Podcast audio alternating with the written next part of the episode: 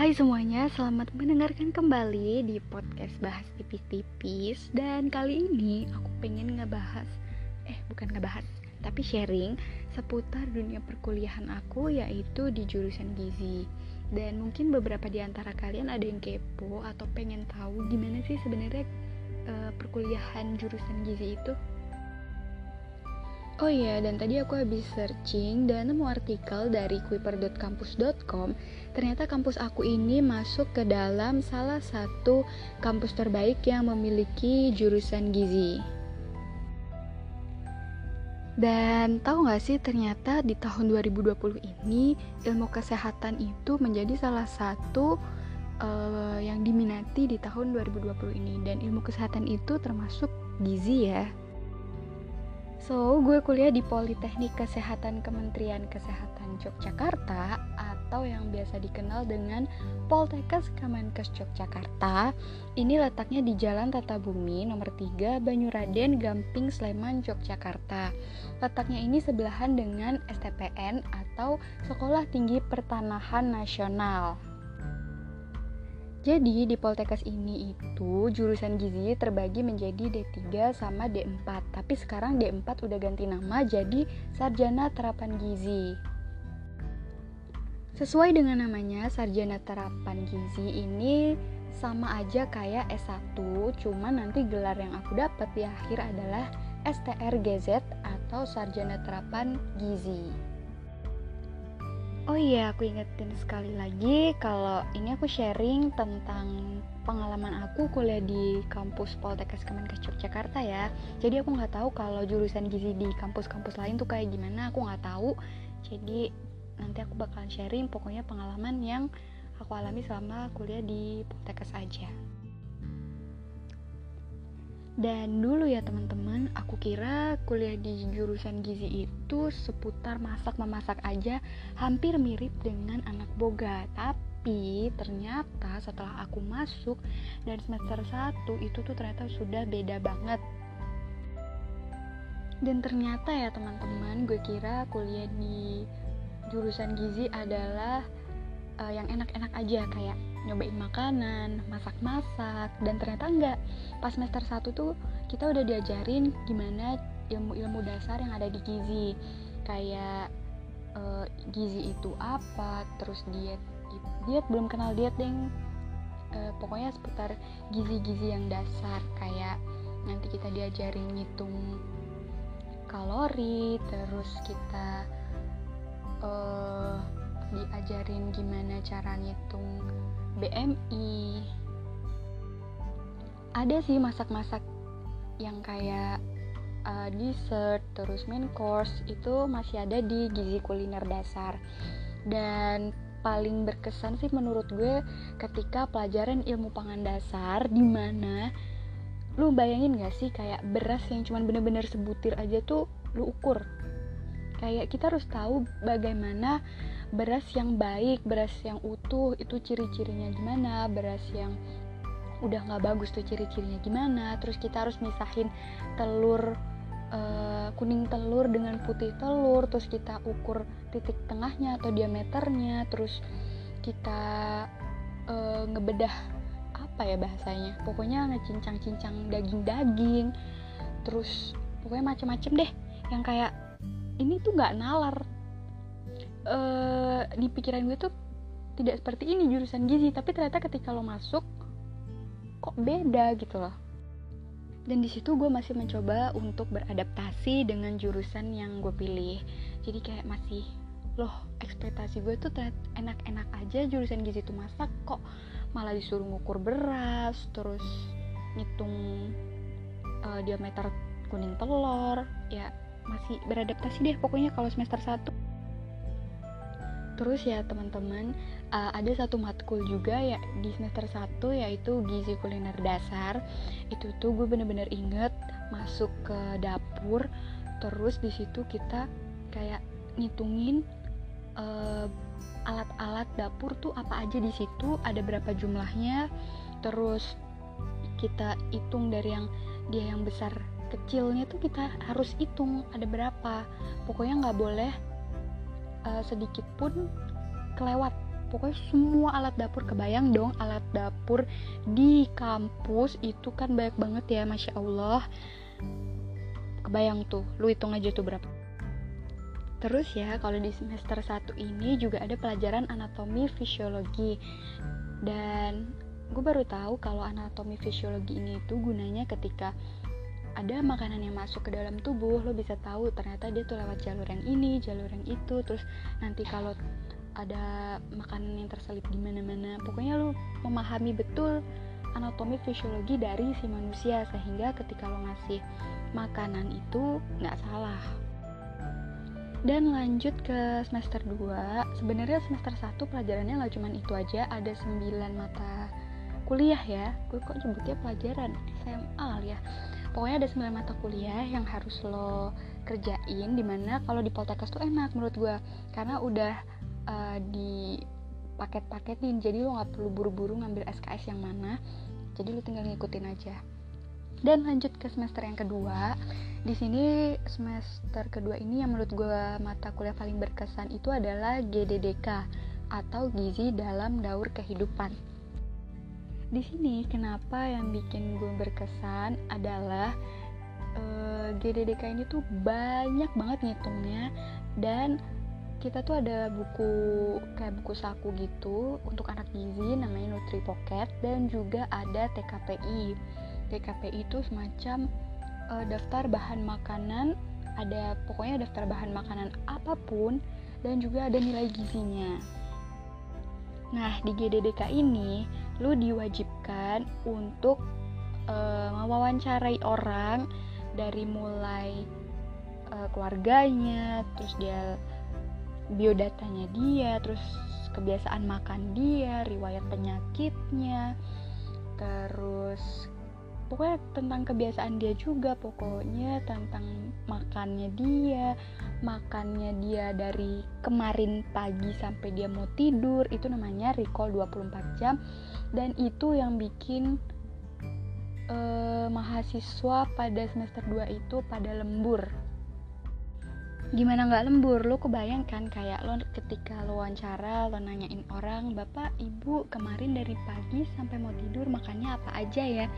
Lo kebayangkan orang itu tuh jawab e, makannya banyak banget. Dan lo hitung satu persatu nilai gizi dari makanan yang orang tersebut makan terus lo baru tahu apakah e, makanan dalam sehari itu sudah memenuhi kebutuhan si orang tersebut atau belum.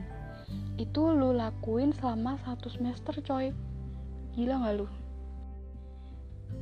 Dan ternyata selain GDDK yang buat gue berkesan karena gue sering banget lembur di situ karena belum terbiasa aja sih tapi sekarang udah oke okay lah udah mulai terbiasa.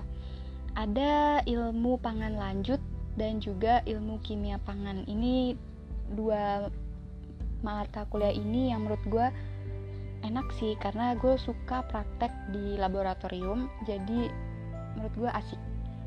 Kalau kimia ini kan berhubungan dengan kimia jadi kayak di lab laboratorium yang khusus kimia terus kita pakai jas lab terus pakai sarung tangan masker dan sebagainya kita coba-coba pakai uh, bahan-bahan kimia. Tapi kalau IPL ini kita lebih ke praktek-praktek kayak gue lupa dulu tuh pas IPL semester 2 tuh gue bikin apa pernah bikin tempe apa ya terus gue bikin manisan dan sebagainya kayak gitu. Tapi gue lupa tepatnya apa tapi yang jelas bikin-bikin makanan kayak gitu deh.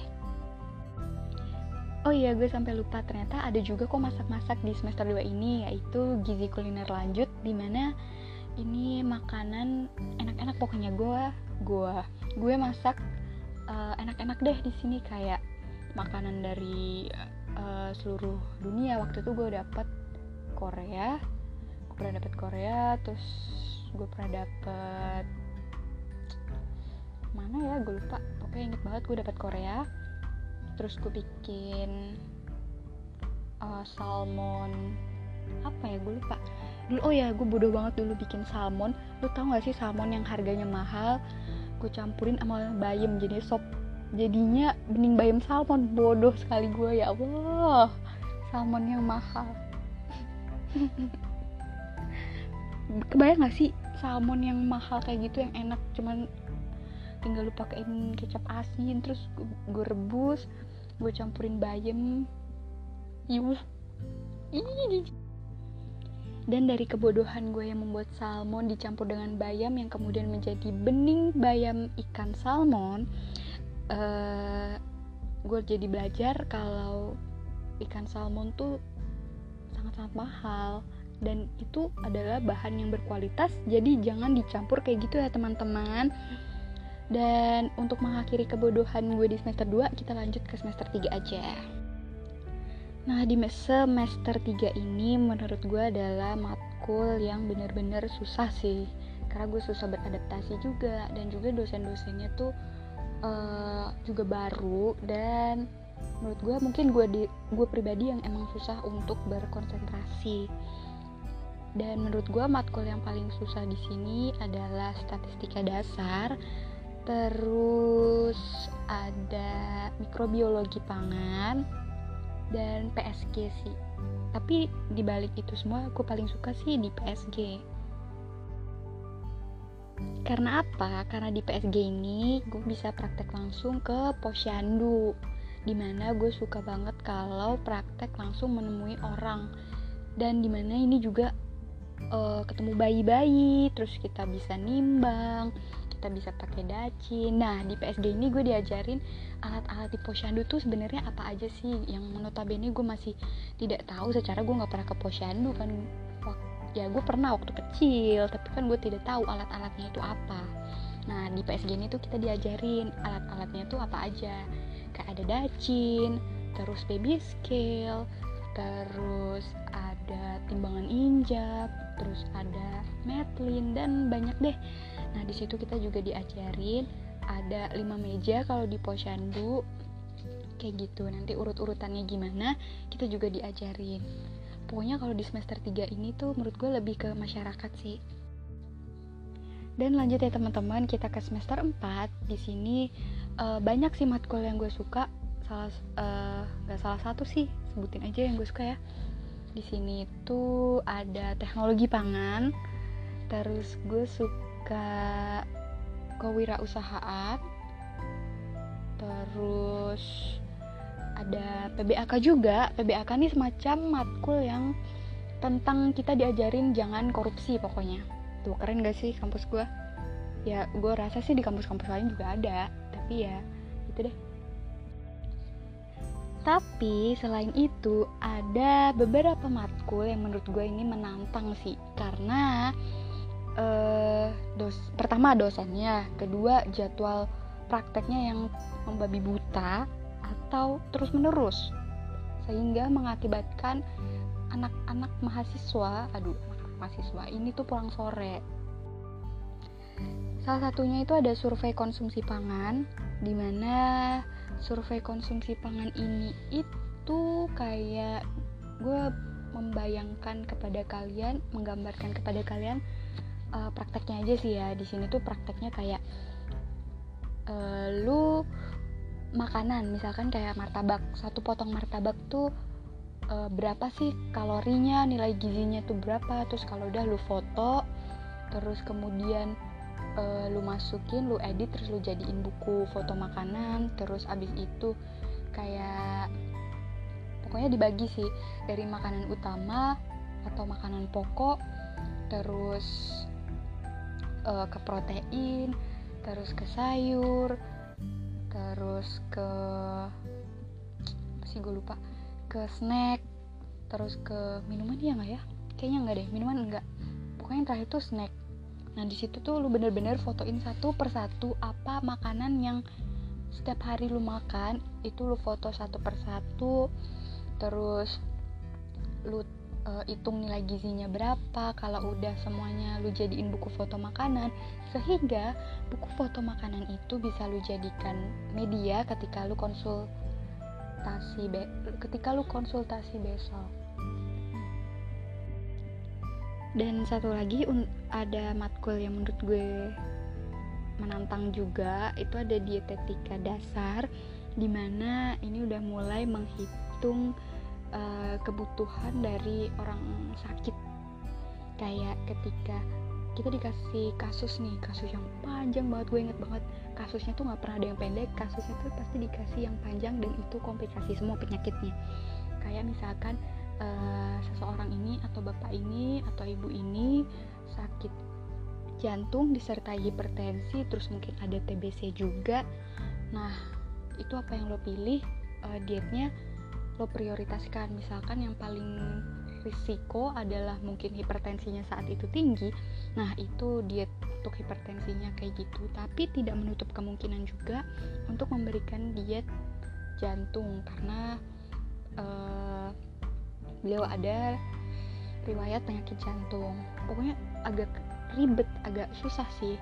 Tapi menurut gue ini suka daripada ilmu gizi dasar sih. Karena waktu itu emang gue belum menguasai dan pas dietetika dasar ini gue sudah mulai bisa beradaptasi dan mulai menguasai. Dan tadi sudah semester 4 sekarang kita lanjut ke semester 5 itu ada 10 mata kuliah. Dan mata kuliah yang paling gue suka di sini adalah konseling gizi. Di mana gue praktek ke puskesmas yang notabene gue nggak pernah sama sekali masuk ke ruangan ahli gizi. Terus lu kebayang gak sih serunya lu masuk ke ruang ahli gizi terus ada yang masuk ke ruang ahli gizi buat konsultasi terus lu ukur lu timbang terus lu kasih nasehat lu hitung gizinya berapa kebutuhannya berapa terus lu kasih leaflet biar bisa dibaca-baca nanti di rumah. Pokoknya seneng banget sih ketika konseling gizi itu lu bisa ketemu orang dan orang itu tuh kayak nganggap kita tuh uh, semacam mirip dokter kayak gitu. Dan gue lupa ternyata ada matkul lagi yang gue suka tapi nggak tahu kenapa gue suka matkul ini tapi nilai gue biasa-biasa aja di matkul ini. Ada interaksi obat dan makanan. Lo tau nggak sih kayak ternyata kita tuh minum obat eh, nggak uh, boleh ada beberapa obat yang nggak boleh dibarengin dengan makanan ada juga beberapa obat yang kayak ditulisnya tuh sebelum makan, sudah makan. Nah, di situ tuh kita dijelasin kenapa sih harus sebelum makan, harus setelah makan, harus saat makan dan ada beberapa obat yang mungkin uh, bereaksi ketika ada makanan dengan zat gizi tertentu gitu dan sebagai contoh gue kasih contoh deh kayak tablet tambah darah atau tablet FE itu bagus dimakan bebarengan dengan uh, makanan bervitamin C. Jadi kenapa ibu hamil itu ketika minum tablet FE biar nggak mual dan muntah itu minumnya jeruk aja es jeruk atau jeruk anget pokoknya kayak gitu biar untuk membantu penyerapan juga dan mengurangi mual muntah. Dan lanjut ke semester 6, ini ada 10 mata kuliah.